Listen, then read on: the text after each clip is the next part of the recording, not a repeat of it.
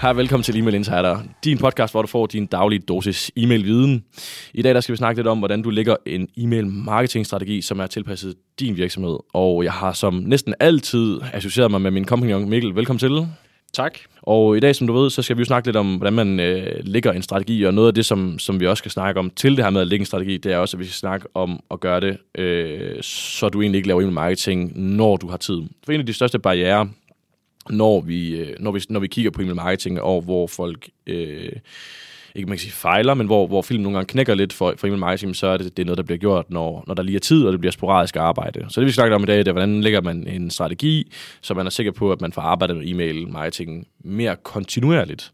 Øh, fordi det er også, når vi arbejder med e-mail marketing kontinuerligt over tid, at det får en rigtig fed effekt. Og det kommer vi også lidt ind på senere, sådan, hvorfor er det egentlig, at man skal arbejde med e-mail sådan, over en vis periode, før man virkelig får den fede effekt fra kanalen af.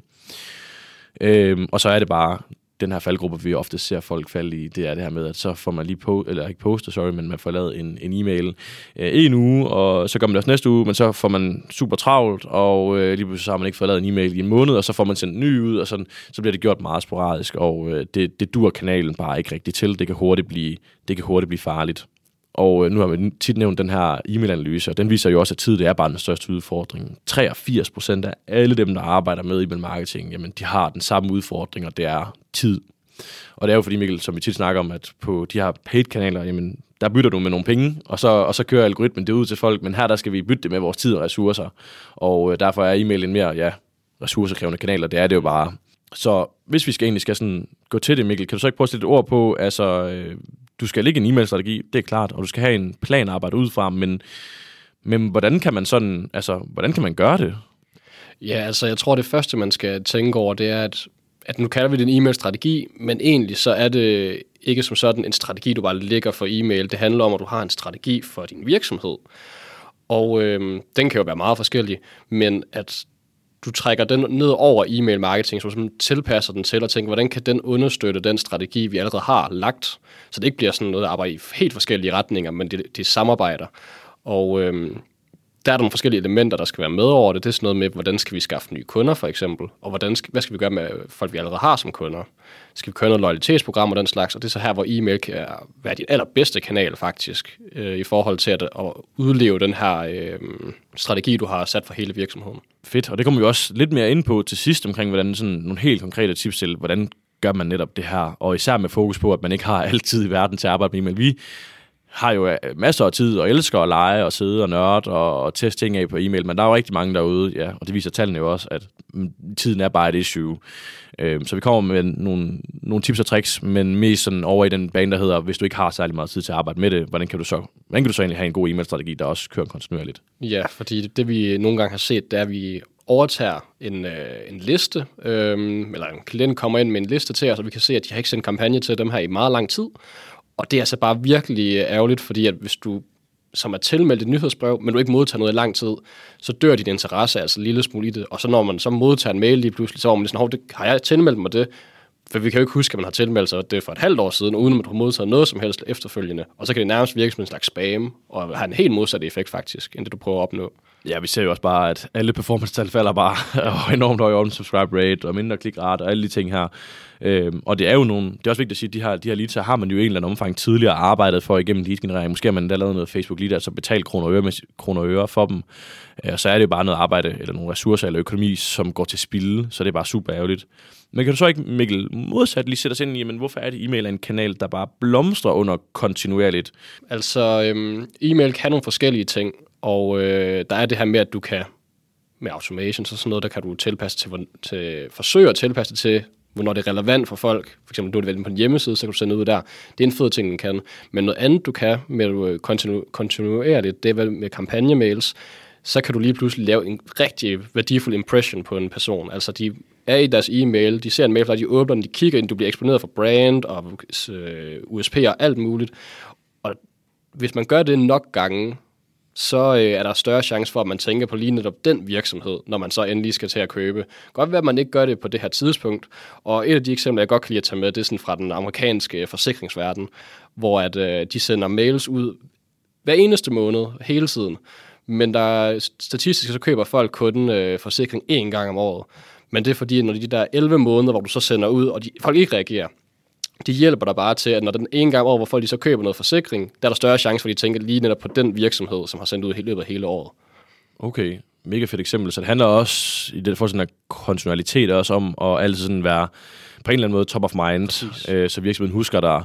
Og så handler det selvfølgelig også om i den her del her at inkorporere og, ind, og sådan brænde, brænde dine USP'er fast på nethinden af dine kunder og sørge for, at du altid er der med dine kampagner og nyhedsbrev særligt. Øh, okay, men det giver super god mening.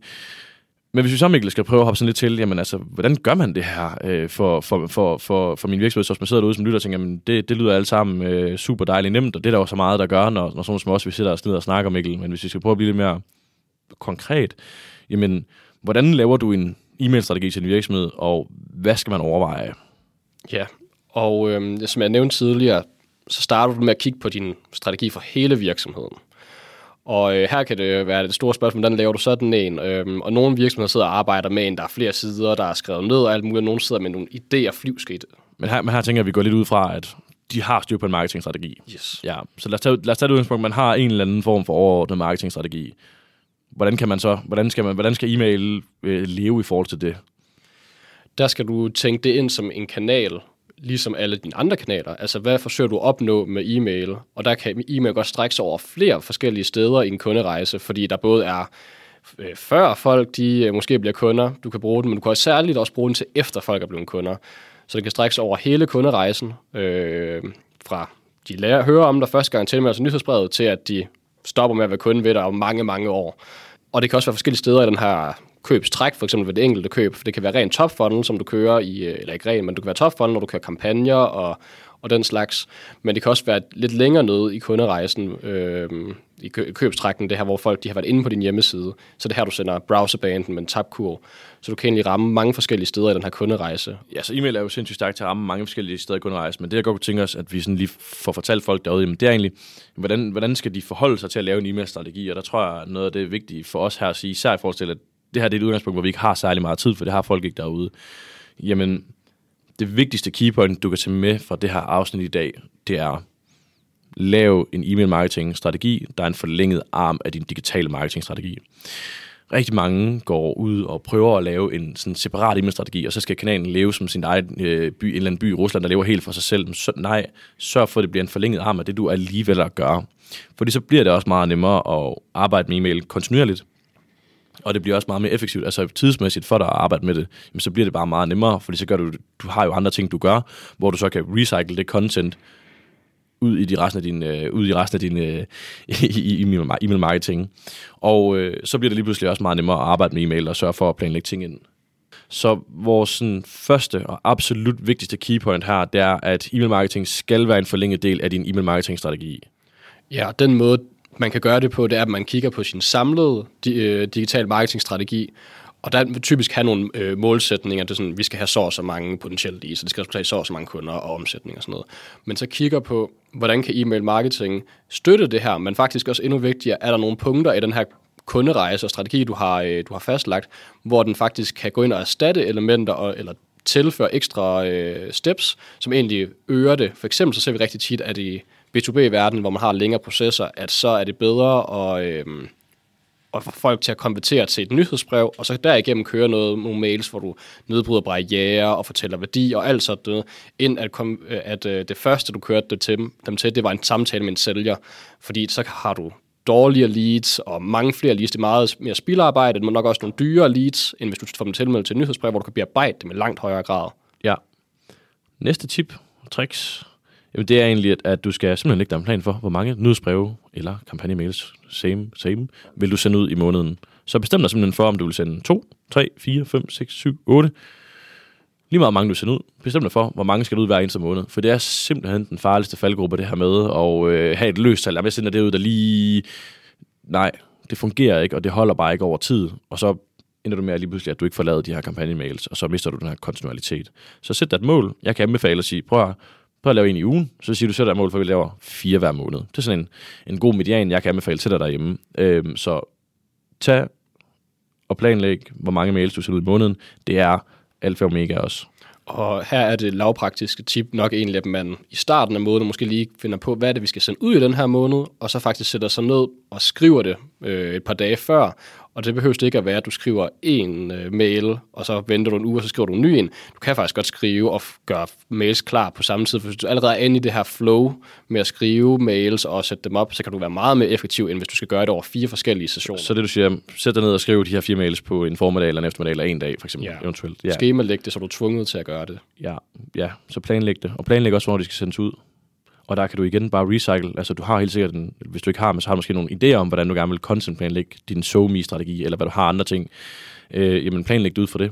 Jeg ved selv, øh, noget jeg gør også, hvor jeg recycler, for eksempel hos, øh, hos, øh, hos os her i PoTab, jamen når jeg skriver nogle videns, øh, vidensmails, jamen, så tager jeg det, og så, om, så bruger jeg 10 minutter i kvarter på lige at omstrukturere den en lille smule, og så har jeg et mega fedt LinkedIn-post også. Der går det så godt nok e-mailvejen og ud i resten af forretningen, men det er sådan set samme princip, om du så tager det fra din SoMe, eller du tager det fra en Facebook-annonce, eller et blogpost, eller hvor du tager det fra, men så tag det derfra, og så tilpasser lidt over din, over din marketing, så kan du faktisk ret, sådan, ret hurtigt og effektivt uh, lave mails. Men det er mega, mega fedt, det der med at skrive det på en dag, for det bliver mere effektivt så. En anden ting, vi også kan, kan give en lille mini-anbefaling til den del, er jo at øh, ikke skrive dine mails inde i din e-mail-platform. For hvis du sidder og skriver dine mails inde i din e-mail-platform, så sidder man samtidig med, at man sidder og copywriter, men så sidder man også og prøver sådan at, at, at holde styr på, når man linjerne og formater, og, og hvordan skal det lige passe ind. Prøv at se, om du ikke kan lave et, et, et copywriting-ark, det lyder så fancy, hvor du simpelthen bare skriver dine mails inde i, og, øh, og, så, og, så til, og så putter du det så over i dit, øh, dit, øh, dit, dit øh, e-mail-system bagefter. Og det gør vi her ved PostType. Det er måden, vi gør det på, når vi laver copywriting. Jamen, vi har et copywriting-ark, som vi sidder og skriver i. Så, og det gør vi egentlig udelukkende bare, fordi det er mere effektivt. Så det har vi i hvert fald for, for os og for vores specialister i vores arbejde fundet, lavet test på, der viser, at det er bare meget mere effektivt, og vores copy bliver faktisk også meget bedre, når vi gør det på den her måde her. Så det vil jeg klart anbefale også, hvis man kan gøre det. Så sæt sådan ned en formiddag, skriv al teksten, få noget middagsmad, sov, lige, eller sov en enkelt dag på det, og så sæt det op i din, uh, sæt det op i din øh, e-mail-platform bagefter. Ja. Der vil jeg også sige, du behøver ikke at, at gøre de største overvejelser i forhold til sådan noget med, med linjer og alt muligt, fordi det kan godt være, det passer på, hvordan det ser ud inde i der, hvor du retter det, men så bliver det vist på en lille telefon en gang imellem, og en tablet, og alle mulige forskellige størrelser, og øh, forskellige øh, e-mail-klienter, og så er der altid nogle steder, hvor det ser lidt, øh, lidt skidt ud, så, det, så længe det bare ser nogenlunde ud, i den måde, det er stillet op på, så lige meget om der er en eller to linjer og den slags. Ja. Og så er der noget omkring jamen, øh, hvor, i min kommunikation, som man skal overveje sig i forhold til sin e-mail-strategi. Og øh, jamen igen, tilbage til Recycle. Brug den øh, tone of voice, du har lavet til øh, din SoMe-strategi, eller som du måske har lavet til din øh, ja, paid social, eller hvad det nu kan være. Men tag den tone of voice, og, øh, og så inkorporer den der i din email marketing, fordi så bibeholder du bare den her røde tråd, og det er bare meget bedre for din langsigtede branding. Så lad mig at gøre det til en stor og kompleks proces. Helt simpelt. Recycle din tone of voice andre steder fra. Og det samme med det visuelle jamen, tag din visuelle branding. Øh, hvis du har en brandbook, så er det bare super fedt. Hvis du ikke har, så har du helt sikkert nogle, nogle branding-ting i din forretning, som I altid går ud fra. Jamen, tag det, og bare brug det over på e-mail også. Det behøver ikke at gøres øh, mere fancy, end, end som så også. Og øh, Mikkel, så ved jeg også, at vi har en omkring det her med sådan, hver måned lige at kigge på, på resultaterne. Et tip til det? Ja, altså... Øhm nu hvor man arbejder som en del af en samlet strategi for digital marketing, så det er også vigtigt, at du evaluerer på dine resultater, du har. For ligesom du også kigger på, hvordan performer Google Ads og øh, Facebook og alt muligt, så skal du også kigge på, hvordan performer e-mail. Og øhm, alt efter, hvad målsætningerne er, og øh, den enkelte kampagne måske forsøger på, så er der forskellige målsætninger, men øh, dem, der folk typisk kigger på, det er sådan noget med omsætning, bare sammen samlet, hvor meget omsætning skaber det. Men ellers nogle andre, man også kan kigge på, det er sådan noget, hvor meget trafik skaber det, hvor mange åbninger har der været. Der kan man måske lave lidt omregning, fordi at der kan være nogle åbninger, som Apple selv laver.